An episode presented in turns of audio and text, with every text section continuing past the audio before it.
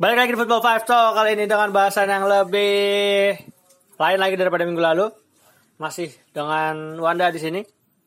Dan selama satu jam ke depan ya bakal ada topik soal yang lagi hangat yang lagi panas di Eropa saat ini yaitu isu pelecehan rasialisme terhadap apa gimana sih ngomongnya gue agak Eh, bebas sih mau rasialisme rasisme pokoknya diskriminasi kulit yang terjadi di eh, Eropa terutama dari kalangan fans terhadap pemain-pemain. Karena baru-baru ini lagi mencuat lagi nih. Terakhir si Ken Moise Ken itu mendapatkan diskriminasi atau dikatain kulitnya hitam dari fans Cagliari.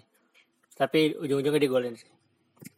Kalau dari Wanda sendiri lu ngelihatnya kenapa ini naik lagi sih? Kenapa ini kenapa ini eh, terus-terusan berulang-berulang tanpa ada hmm, penyelesaian? Masih aja terjadi, masih aja ada. kalau menurut gua sih ini karena memang budayanya orang Itali yang ada apa yang ada eh, apa ya namanya yang ada bukan kepuasan apa sih Belakang ya latar belakang mereka eh, budaya kultur mereka yang mengakar dengan eh, apa kebanggaan mereka terhadap eh, ras mereka sendiri gitu kan. Jadi itu memang udah jadi masalah yang berakar udah dari lama dan sampai sekarang pun gua rasa sih tahun-tahun ke depannya bakal masih ada yang kayak begini gitu. Apalagi eh, di beberapa bagian Italia itu di kalau kita bicara Cagliari kan eh, dia berada di Pulau Sardini Sardinia ya Sar- eh, Sardinia. Jadi eh, setiap pulau di Italia itu pasti ada beberapa mafia. Mafia kayak eh, Cagliari Sardinia di Palermo itu Sisilia itu kan udah kenal banget lah dengan aroma-aroma yang membanggakan eh, ya kalau war- eh, atau kalau di bahasa Eropanya itu eh, white supremacy gitu kan. Nah, jadi itu memang kalau terjadinya di Italia sebenarnya sebenarnya sih gua nggak kaget. Cuman ya walau kita memang nggak pernah membenar nggak pernah membenarkan itu ya eh, rasisme itu ya apalagi eh, Moiskin kemarin eh, dia kan dapat eh, perlakuan seperti itu setelah mencetak mencetak gol. Karena perayaannya yang ya memang khas-khas orang-orang eh, Afrika yang suka nari suka ada atrak atraksi yang menghibur lah. Eh, boleh kita bilang gitu. Jadi dia udah nyekor terus dengan apa eh, gaya tariannya yang memang sangat khas Afrika ya udah Ultras Cagliari eh, nggak nggak terima dengan itu lah ya udah eh, spon- spontan mereka langsung menghina dia dengan ejekan-ejekan eh, rasis gitu kan. Karena itu ya ya tadi gue bilang uh, budaya mereka yang udah mengakar kayak gitu yang gue rasa mau kayak apa pun dikasih sanksi misalkan itu bakalan terjadi lagi sih Itu kalau khusus untuk si Moiskin ya. Apalagi kemarin terakhir itu uh, Presiden Cagliari dia dia uh, Presiden Cagliari sempat bilang juga kan nggak ada pelecehan kok. Ya karena itu jadi salah satu bukti kalau em, mereka apalagi orang-orang Italia kebanyakan kayak udah mewajarkan hal yang yang nggak pantas kayak gitu kan. Bahkan eh, pelatih Juventus sekalipun Allegri dia dia dia nggak yakin kalau eh, federasi FGC bakal uh, menuntaskan hal ini. Karena dia kan langsung bilang sebenarnya kita bisa kok uh, buat uh, rasisme ini hilang dari uh, sepak bola. Seenggaknya dari lapangan dari Liga Itali karena dia bilang uh, kita cukup menghukum si penonton ini untuk jangan ke stadion seumur hidup. Kita udah punya teknologinya kita udah udah punya kamera banyak di setiap stadion. Tinggal kita lihat siapa kita bisa identifikasi. Tapi masalahnya federasi nggak mau melakukan itu. Itu jadi penyebabnya kenapa rasisme selalu terjadi di Itali gitu. Gitu loh. Nah kalau ya lu sendiri lihatnya kenapa uh, apa Itali nggak bisa tapi negara lain bisa.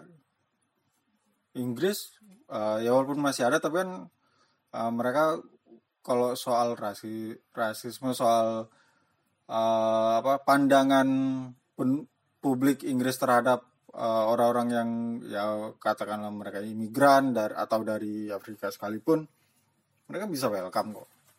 Tapi Itali kan nggak bisa karena kalau gue sih lebih ngeliat kenapa ini jadi rame lagi. Awalnya kan ini mencuat lagi itu waktu kemarin Inggris main di Montenegro. Gitu kan. Uh, waktu itu Sterling, uh, Hasan Ode sama Danny Rose. Mereka uh, bilang bahwa ya mereka masih mengalami itu di kandangnya Montenegro. Dan jadi trigger gue ngeliatnya ya karena ini Inggris yang ngalamin. Kita tahu kekuatan media Inggris kalau ngangkat tim nasional itu seperti apa ya.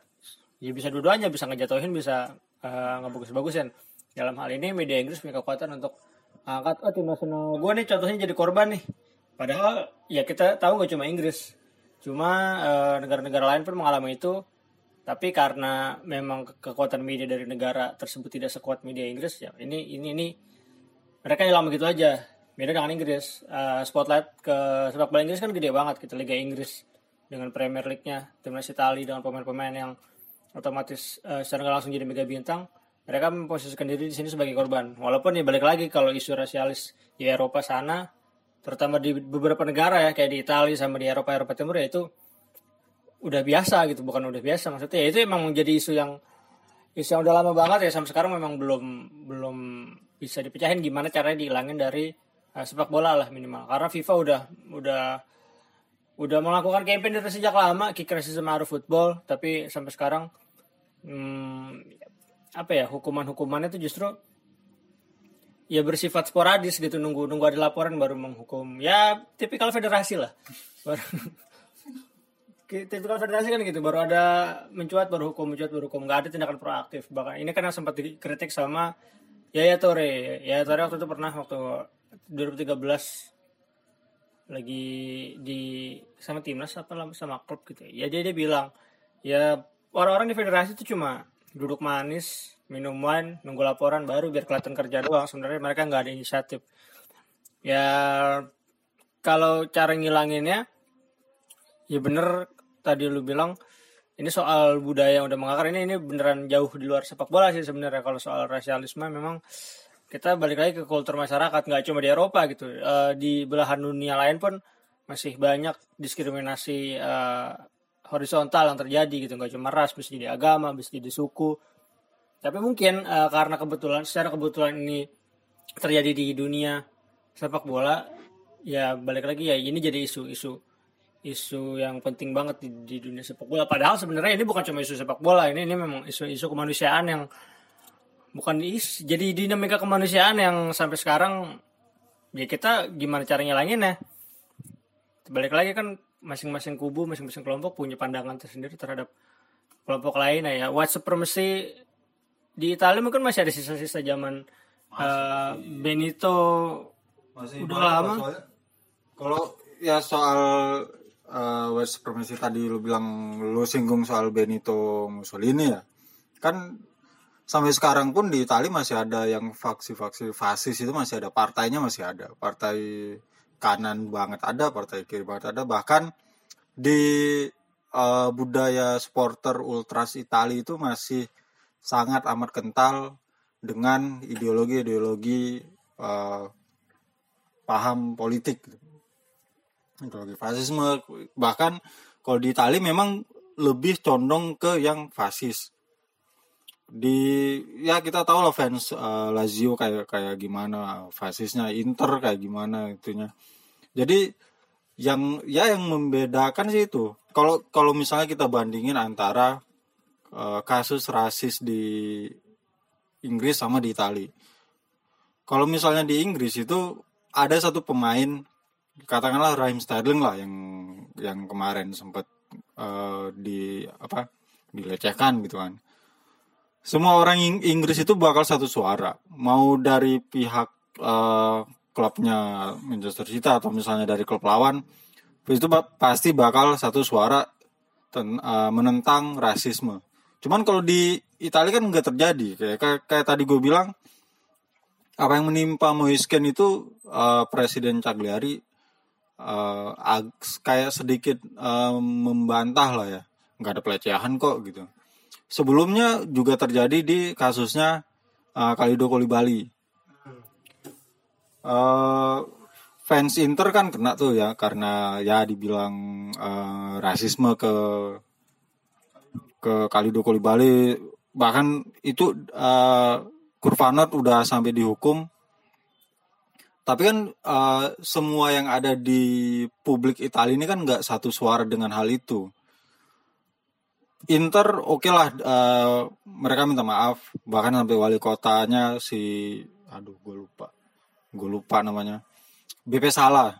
GCP Salah itu sampai ngomong uh, gue juga benci sama rasisme. Pihak Napoli juga gitu apalagi. Cuman kan ada satu menteri nih si Salvini apa kalau nggak salah. Dia juga ini kan maksudnya nggak kayak apa ya kayak ya kayak si presiden Cagliari lah uh, dia nggak apa uh, meragukan. Dia meragukan uh, kasus rasisme yang di anu apa yang dialami Bali. Bahkan dia kayak terkesan memojokkan si Bali gitu. Itu itu ya jadi, jadi salah satu inilah salah satu bentuk kalau memang budaya masa lalu itu sangat ini sangat sangat berpengaruh sama apa yang terjadi sekarang.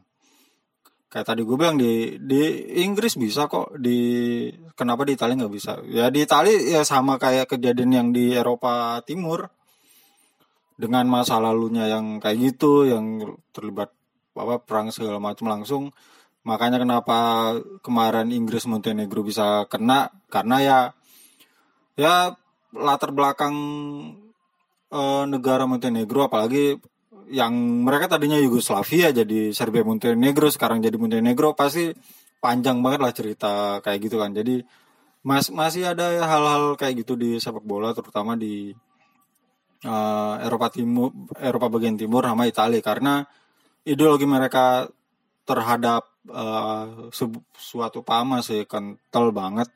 Bahkan sampai dibawa ke uh, ranah sepak bola. Kalau Inggris kan ide uh, beda ya.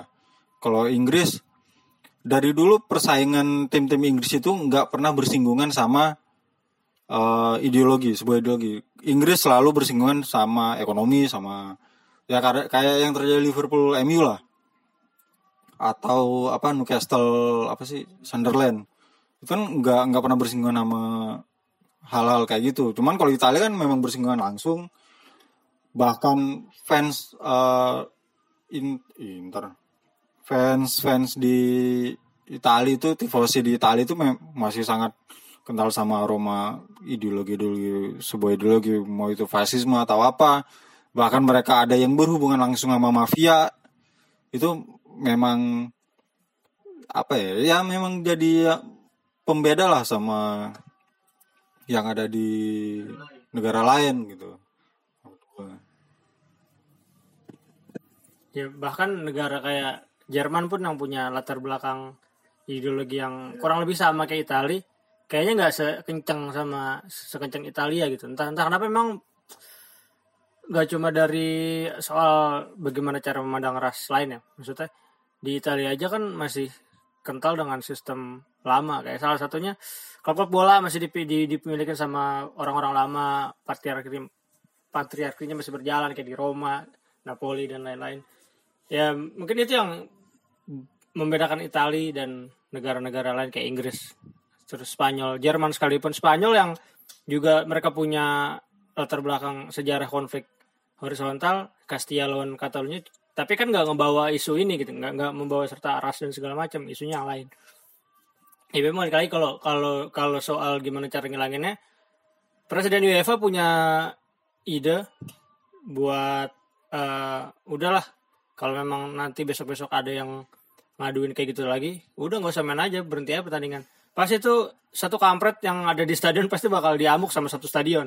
Severin ngomong gitu dia bilang kalau besok-besok ada laporan seperti itu lagi wasit harus tegas menghentikan pemain dan uh, tunjuk siapa pelakunya. Ya pasti itu bakal dia dia bakal diamuk sama satu, sama satu stadion. Versinya Severin kayak gitu cuman uh, tindakan lebih lanjut dari UEFA dalam waktu dekat adalah untuk mm, membuat para wasit ini menekankan ya menekankan pada para wasit untuk bertindak untuk lebih berani lah mengambil langkah. Ya kalau memang harus berhentikan pertandingan berhentikan pertandingan. Lagi pula uh, gagasan ini udah dapat dukungan dari tiga gak tahu ya dari Italia belum ada suara sih gue belum dapat ada suara.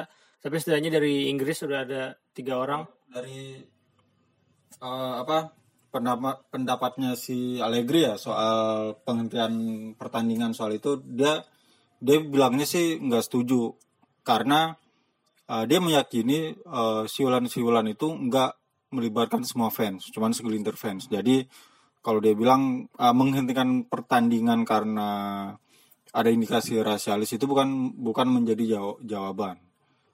Ya it, kayak kayak tadi lo bilang sih uh, dia dia takutnya itu bakal membuat fans lebih lebih jadi lebih gila lagi sih, jadi lebih uh, frontal lagi bahkan bisa jadi ke arah apa anarkis gitu. Kalau kalau dihentikan pertandingan karena tujuan si Severin biar si pelaku ini ya. kapok besok besok nggak begini lagi. Kalau memang lu nanti ngelakuin lu urusannya sama satu stadion. Ya memang benar sih Allegri bilang ada ada potensi untuk gesekan di ranah lain ya.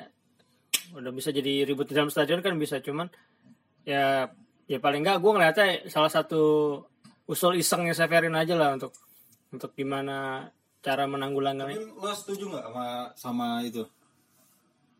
Sama itu sama Siapa? Sama, sama Severin. Ya patut dicoba setuju nggak setujunya pasti kalau gue setuju pasti ada ada efek buruknya juga pertandingan kalau ditunda lagi besok ada lagi ditunda lagi nggak kelar kelar itu kompetisi patut tapi nggak sejorok itu sih harusnya kayak harus ada regulasinya gitu harus ada regulasinya dan apalagi beberapa manajer di Inggris tadi gue lanjutin ada Pochettino ada Sari ada klub udah bilang ya udah kalau kalau memang nanti ada yang kayak gitu Sari yang orang Italia ya udah nggak apa-apa. Uh, bubarnya pertandingan. Entah karena entah karena dia lagi ngomong di Inggris atau gimana. Cuman cuman dari sinyal dari tiga klub kuat ini cek kuat. Tiga klub uh, favorit ini kan seenggaknya udah membuka jalan ke arah. Sekarang ini bakalan serius arahnya bakal ke sana gitu. UEFA lagi beneran gencar-gencar media Inggris juga lagi ngangkat-ngangkatin soal isu-isu ini gitu. karena ya memang pasti setiap tahun ada aja nggak usah setiap musim deh. Setiap paruh musim pasti ada satu satu dua laporan yang muncul itu yang ketahuan. Di masa lalu kita banyak pemain-pemain bola ngambek gara-gara uh, dapat perlakuan kayak gitu. Roberto Carlos terus ada si Eto'o dan lain-lain. Jadi ya kalau ngomongin soal racism di football ya seperti ini. Gimana ya? Kalau kalau kalau mau menghilangkannya ya klise kalau dibilang balik ke individu masing-masing. Itu itu bukan jawaban sih itu bukan jawaban. Karena manusia itu emang bener harus ada sistem yang meng, apa, memfasilitasi gimana caranya itu dilampiaskan dengan baik. Soalnya kalau gua dengan alas apa dengan cara yang tadi Severin itu kalau di Itali gua yakin nggak berjalan. nggak bakal berjalan. Soalnya di Itali kalau misalnya udah dihukum fans fans nggak bakal tinggal dia mereka mereka malah nyerang balik uh, yang dihukum gitu kan. Apa uh, yang ngasih hukuman. Karena kemarin ya lagi-lagi kita harus lihat kasus Kalido Bali Inter udah dihukum nggak boleh uh, ngadain uh, pertandingan usiran lah. Harus pertandingan usiran tiga pertandingan. Itu sama sekali nggak ada fans cuman anak kecil doang yang diundang buat nonton.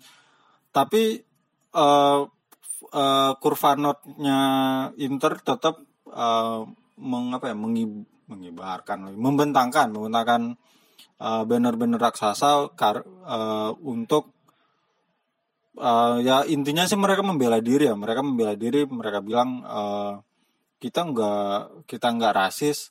Malahan di malahan mereka nuduh lagi-lagi eh, kayak nuduh si ah lempar-lemparan. Ya, ya pemainnya pemainnya aja yang cengeng apa segala macam. Soalnya karena menurut mereka hal-hal kayak gitu itu udah biasa terjadi di gue gue sih ngeliatnya ini lebih ke gue sempat ngomong ini soal soal konflik horizontal di Indonesia sih maksudnya. Eh bener. Sebenarnya nggak ada apa-apa cuman mungkin pemainnya agak lebih sensitif. Jadi pemahamannya seakan-akan si pelakunya jadi eh, tersangka dan ini jadi korban gitu. Menurut gue ya ini ada ada ada unsur yang minoritas ngelunjak yang mayoritas petantang petenteng. Ini ada unsur kayak gitu jadi ya soal siulan segala macam nggak nggak nggak cuma nggak cuma ketika pemain kulit hitam megang bola pemain lain pun pernah kan kita dengar siulan apalagi kalau lagi emang ada satu pemain yang dicengin ya ya kalau itu bukan kulit putih itu nggak dibilang eh, pelanggaran pelecehan ras- rasialis tapi kalau kena ketika itu kulit hitam tuduhannya ke situ jadi ini ini yang yang harus memang dijela, harus harus jelas definisinya apa pelanggaran seperti apa targetnya siapa. Gareth Bale waktu dilemparin pisang nggak manjang kan? Itu Gareth Bale gue rasa pemain kulit putih pertama yang kena korban pelecehan rasialis. Jadi eh balik lagi memang beneran si si dari si pemainnya jangan serta merta sekarang mereka di posisi yang jadi korban terus jadi seakan-akan mereka itu harus selalu dibela kan bisa aja namanya manusia. Dia pasti ada sedikit provok ya ketika si penonton itu nggak nggak provok apa-apa. Ya ya ada ada kemungkinan kayak gitu kan. Jadi kalau fans center tadi ngomong gedenya aja sensi gue sih nggak kenapa-napa. Ya ya benar ada ada ada betulnya. Cuman berarti kan PR bersamanya kita si federasinya ini beneran eh, mengkaji gitu pelanggarannya seperti apa sih hukumannya sejauh apa yang efektif kayak gimana. Gue sih ngeliatnya ya harus kayak gitu. Ya tipikal federasi gimana sih? Ya apaan? Mati gini. Agak masih. Oh ya Nah, ya itu tadi karena kalau gue bilang sih di Itali soal rasisme ini memang kompleks banget ya. Mereka bahkan untuk sekedar pertandingan uji coba aja mereka bisa melakukan itu fansnya. Waktu itu kan kayak si siapa? Kevin Prince Boateng waktu masih di Milan dia sampai marah banget. Padahal itu pertandingan eh, uji coba pramusim lawan klub Serie D pula. Klub seri D-nya itu ya sekelas klub seri D bi- bisa bikin kayak gitu kan itu jadi salah satu bukti kalau di Italia itu memang ya masalahnya memang ini eh, apa latar belakang mereka budaya mereka yang kayak gitu melihat eh, orang-orang dari luar kayak gimana ya udah kayak gitu. Jadi memang bakalan susah kalau di Italia untuk eh, memberantas hal itu ya apalagi kalau ya sekarang-sekarang kita kalau kita lihat di Liga Italia kan yang kena masalah soal rasisme kan ya mereka-mereka juga. Mereka-mereka doang kayak ya Inter udah sering udah sering kenal lah. Dulu waktu kasus Mario Balotelli yang seisi stadion loh bawa pisang pisang plastik itu itu itu kan udah kalau gua rasa sih udah cara barbar banget ya. Udah nggak gua yakin mereka udah tahu salah tapi ya bodo amat. Karena karena mereka merasa ya gue banyak masanya nih. Iya. mayoritas pasti ya gue nggak akan nggak akan diapa-apain.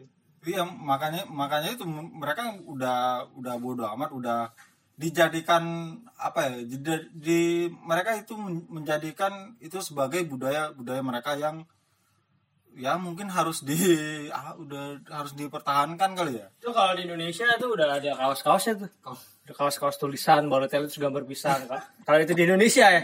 Indonesia kan yang kayak gitu-gitu dibudayakan justru dijual ya karena jadi duit. Tim ini apalah tim ini apalah ya, ya kayak gitu.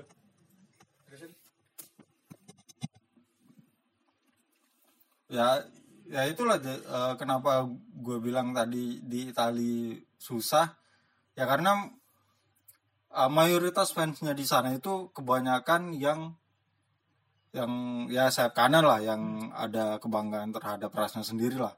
Kalau bisa dibilang mungkin cuman eh, Livorno doang kali ya yang bener-bener eh, eh, apa tifosinya itu bener-bener yang kiri banget yang bisa ter- yang mendukung eh, LGBT bahkan mendukung yang ya pemain yang dari Afrika nggak nggak ada masalah gitu gitu mungkin cuman mereka doang bahkan AS Roma yang eh, ideologinya kiri pun mereka sesekali eh, apa sesekali masih melancarkan aksi-aksi eh, rasisme gitu kan. Itu ya memang budaya mereka kayak gitu susah di apa udah kebal lah udah susah dibilangin mau kayak gimana juga bakalan terjadi lagi terjadi lagi gitu.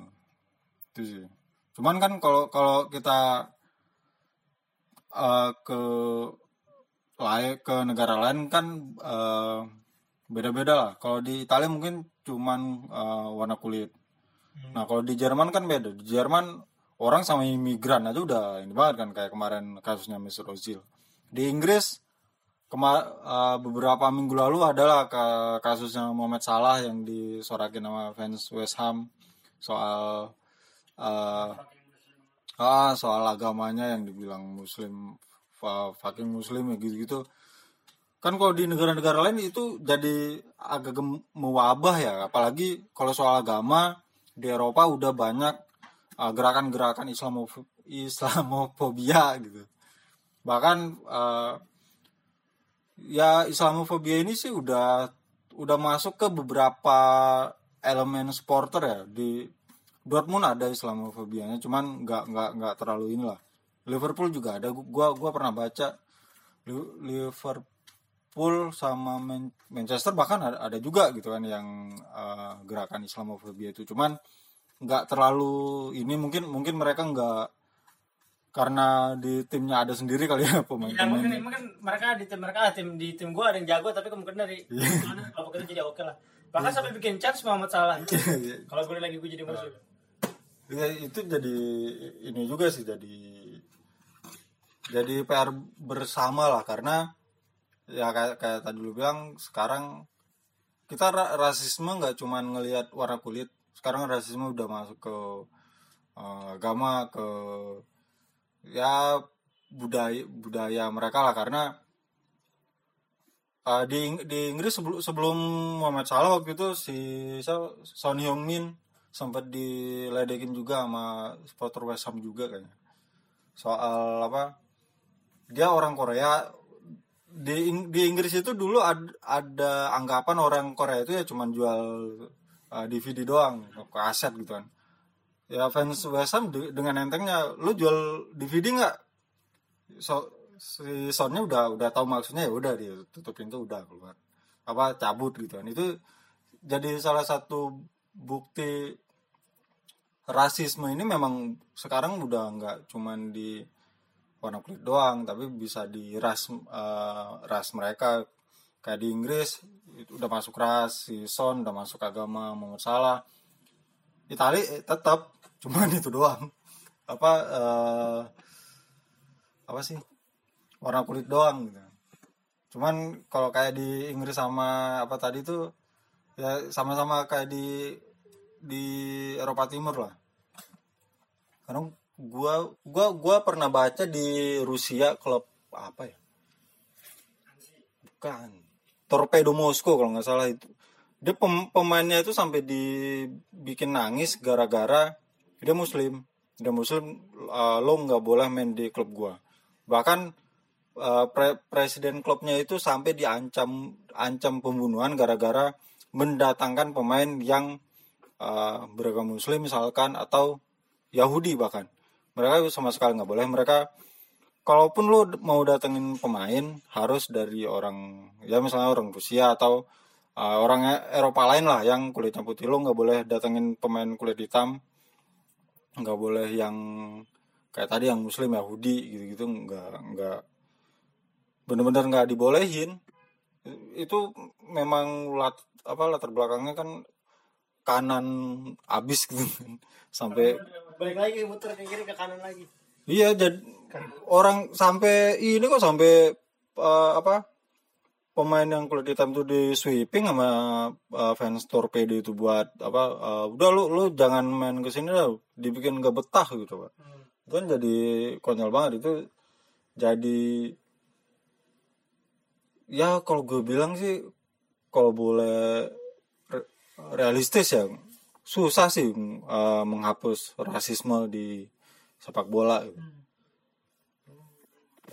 Ya, ya memang ini jadi karena latar belakang eh, manusianya tadi ya memang gak sesimpel itu untuk mm, menghapus sepenuhnya. Karena balik lagi nih manusia yang memainkan satu alat lain dan kebetulan manusia itu dari latar belakang yang ada budaya seperti itu, budaya pelecehan, eh, diskriminasi ras dan segala macam. Kalau kalau gue memang lihatnya memang PR yang bakal belum bakal selesai nggak nggak akan selesai di sini nggak akan selesai segimanapun Inggris teriak-teriak dengan medianya segimanapun pemain-pemain kulit hitam ngeluh dengan eh, situasi di Itali ya ini bakal terus berlanjut dan kayaknya memang si federasi-federasi ini tahu ya nanti juga reda lagi ya udah kalau kalau mungkin ada ada pelanggaran ya udah hukum aja eh, klubnya denda atau larangan ke stadion selama satu musim. Ya masih kayak gitu-gitu aja. Jadi memang beneran nggak diselesain secara serius gitu. Nggak ada keseriusan buat bener-bener. Mereka anggap ini bukan sesuatu yang penting untuk di untuk diselesain. Nggak ada urgensi untuk nyelesain ini. Mendingan gue ngurusin yang lain. Mendingan gue ngurusin gimana kompetisi jalan gimana sponsor masuk gimana pemain-pemain bintang main ke di liga gue mungkin mereka masih lebih mikirin itu sih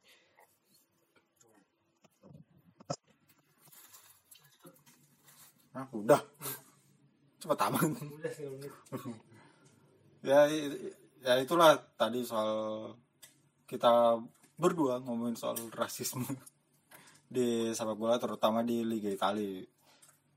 Ya PR-nya gede banget ya soal rasisme ya apalagi di Itali di Liga Italia yang eh, fansnya kayak gitu latar belakang budayanya kayak gitu yang sangat keras yang sangat membanggakan eh, ras mereka sendiri. Ya kalau kalau dibilang apa yang harus dilakukan ya susah juga ya karena eh, kayak kemarin yang fans Inter udah dikasih hukuman juga mereka tetap bebal juga. Dan gue yakin kalau misalkan nanti Balotelli balik lagi ke Itali katakanlah ke Napoli gitu ketemu Inter ya bakal kena lagi. Gue yakin itu bakal kena lagi sih.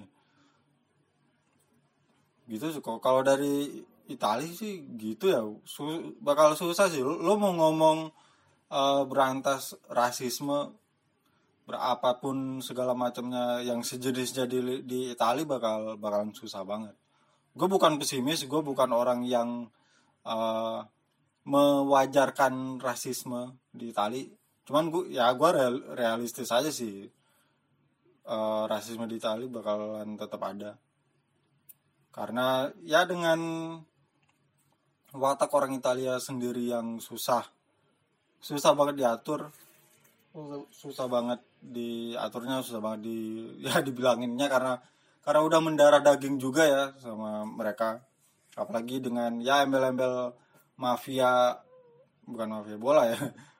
Mafia sebenarnya di di belakang mereka yang apa yang terlibat langsung di dunia sepak bola. Apalagi kan beberapa waktu lalu kita tahu Vincenzo Quinta itu bener mereka dia sampai dibilangin punya hubungan dekat sama mafia terbesar di Sisilia ya itu ya itu jadi salah satu bukti lah kalau lo mau berantas rasisme lo kayak sama aja kayak bangunin macan tidur gitu. Bakalan susah. Eh, ngedobrak rumah Vito Corleone. Siapa tuh? Via Sicilia Iya, iya sama sama aja kayak itu bakalan susah susah banget sih. Harus ya ada treat- treatment khusus yang kita nggak tahu yang karena kan ini menyangkut eh, men- menyangkut pola pikir seseorang ya yang yang pola pikir gue rasa su- hampir mustahil diubah lah, dirubah. Dirubah apa diubah? Ya itulah. Nah. Oke, sekian itu dari Football Five Show kali ini. Sampai jumpa di edisi selanjutnya. Kami pamit. Eh, gak kerekam.